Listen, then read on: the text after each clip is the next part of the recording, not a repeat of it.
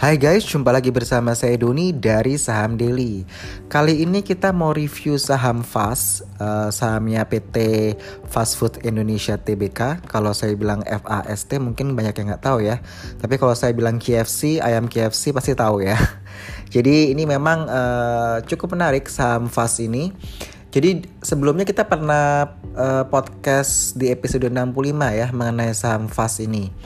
Dan di episode 111 ini kita ngebahas lagi saham fast gitu. Kenapa uh, saham fast ini kita sampai kasih dua episode? Karena memang uh, kita melihat bahwa pergerakan harga saham fast ini cukup menarik ya. Uh, dari awal Januari 2019 hingga Januari 2020. Seperti kita ketahui uh, di 28 Januari 2020 kemarin pemegang saham FAS ini menyetujui rencana dilakukannya stock split ya satu banding dua ya. Lalu mereka juga menyetujui untuk melakukan red issue ya di mana sebagian besar hasil dari red issue itu akan digunakan untuk membuka gerai baru dan sebagian lagi dananya untuk merenovasi toko-toko yang berumur 5 tahun ke atas. Di tahun 2020 ini FAS menargetkan penjualan perusahaannya mencapai 8 triliun atau tumbuh 14,1 persen ya. Untuk mencapai target tersebut, uh, ada tiga strategi yang diterapkan, di mana pertama mereka mempercepat pembangunan gerai yang hingga akhir tahun ditargetkan mencapai 753 gerai, ya di mana uh, ada target penambahan 20 gerai baru dan 5 KFC box pada tahun 2020. Eh, strategi kedua dari mereka adalah memperkuat brandingnya mereka melalui program image management ini akan dilakukan dalam bentuk renovasi gerai-gerai KFC yang sudah lebih dari lima tahun ya. Jadi total yang akan direnovasi pada tahun 2020 itu mencapai 150 gerai. Strategi yang ketiga adalah uh, melakukan atau peluncuran produk baru ya dari KFC itu sendiri. Jadi tiga strategi ini diharapkan mampu memboost up uh, penjualan mereka hingga mencapai 8 triliun ya, sehingga mencapai pertumbuhan 14,1 persen. Kalau kita lihat dari harga saham cukup menarik ya. Kalau di 31 Januari 2019 ya harga sahamnya itu di harga 1500 dan sempat hit di November kemarin di 18 November 2019 itu di 2900. Jadi kalau buat teman-teman investor yang waktu itu sudah masuk ketika dia down di 1500 ya sebenarnya dia waktu uh, Desember 2018, Desember uh, masuk ke Januari 2019 itu emang dia lebih uh, konsolidasi di harga 1500 di level-level itu ya. Lalu ketika Februari dia sudah mulai menaik, naik, naik hingga di 18 November dia mencapai peaknya di harga 2900. Jadi kebayang ya Anda yang masuk di harga 1500 dan hit di angka 2900 di 18 November 2019. Dan untuk posisi terakhir kemarin di 31 Januari 20 dia turun hingga 2400 ya, sudah uh, fase downtrend gitu. Kalau kita lihat intrinsic value average di 1224 artinya dia masih overvalued ya nih saham. Jadi tadi saya, saya sudah jelaskan bahwa saat ini dia dari 2900 turun ke 2400 fase downtrend ya. Kalau mengenai saham fast ini memang tidak terlalu banyak investor masuk karena memang kalau day to day-nya kita lihat uh, volume lot bid dan overnya itu kecil gitu. Jadi mungkin tidak terlalu menarik. Makanya harapannya dengan mereka melakukan stock split nanti satu banding dua itu lebih banyak investor yang masuk ke saham fast. Kalau bicara dividen memang FAS ini rutin membagikan dividen ya dari 2015 ke 2019 itu selalu membagikan dividen.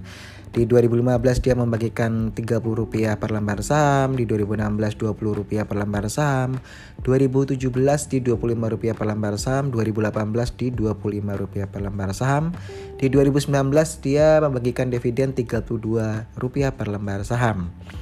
Dividen payout ratio-nya juga tren naik ya dari 28,74% hingga 30,19% di tahun 2018. Kalau per annualize-nya di 20,51 kali, PBVR di 2,99 kali, ROE annualize-nya di 14,63%, DER-nya di 98,37%, cash ratio di 105,63%. Pemegang saham belum berubah ya, saya lihat porsinya sama yang di episode 65 waktu itu. di mana 44% dikuasai oleh PT Gelel Pratama, 35,84% dikuasai oleh PT Indo Retail Makmur International Tbk, sedangkan 20,16% dikuasai oleh pabrik. Uh, kita juga menyikapi mengenai penambahan gerai yang dilakukan oleh KFC ya. Uh, di stasiun MRT Jakarta itu daerah Fatmawati dia menambah KFC box di situ. Jadi KFC ini ada KFC regular sama KFC box ya.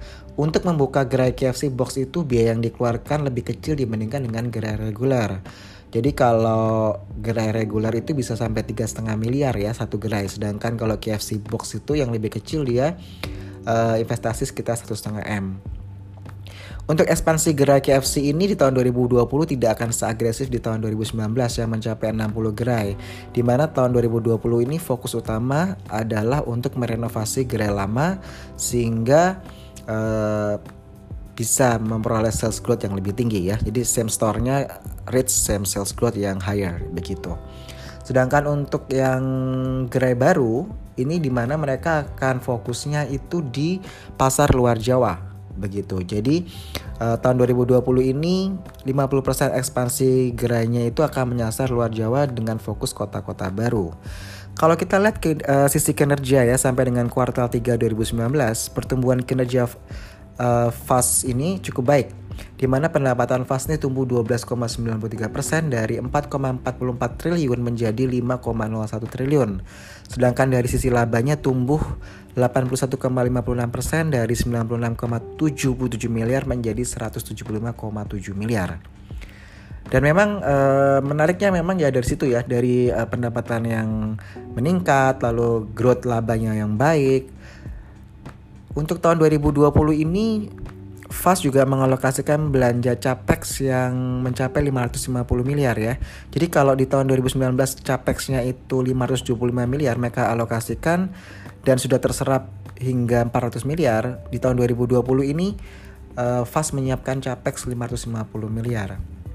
Uh, inilah faktor-faktor yang menyebabkan kita uh, menarik ya. Maksudnya kita melihat ini uh, untuk KFC ini memang growth-nya bagus begitu sehingga nggak salah kita share info mengenai KFC ya saham fast ini. Kalau untuk kompetitor masih uh, eh, PZZA ya PT Sari Melati Kencana TBK lalu ada MAPB PT MAP Boga Adi Perkasa TBK.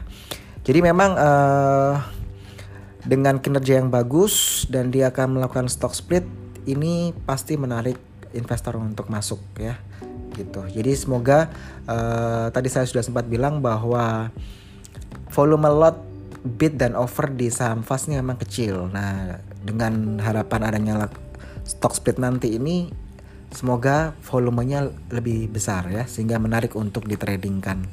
Kalaupun Anda tidak mau trading di saham fast tapi Anda bisa melakukan investasi di saham fast. Seperti itu. Sekian dulu dari saya Doni dari Saham Daily out.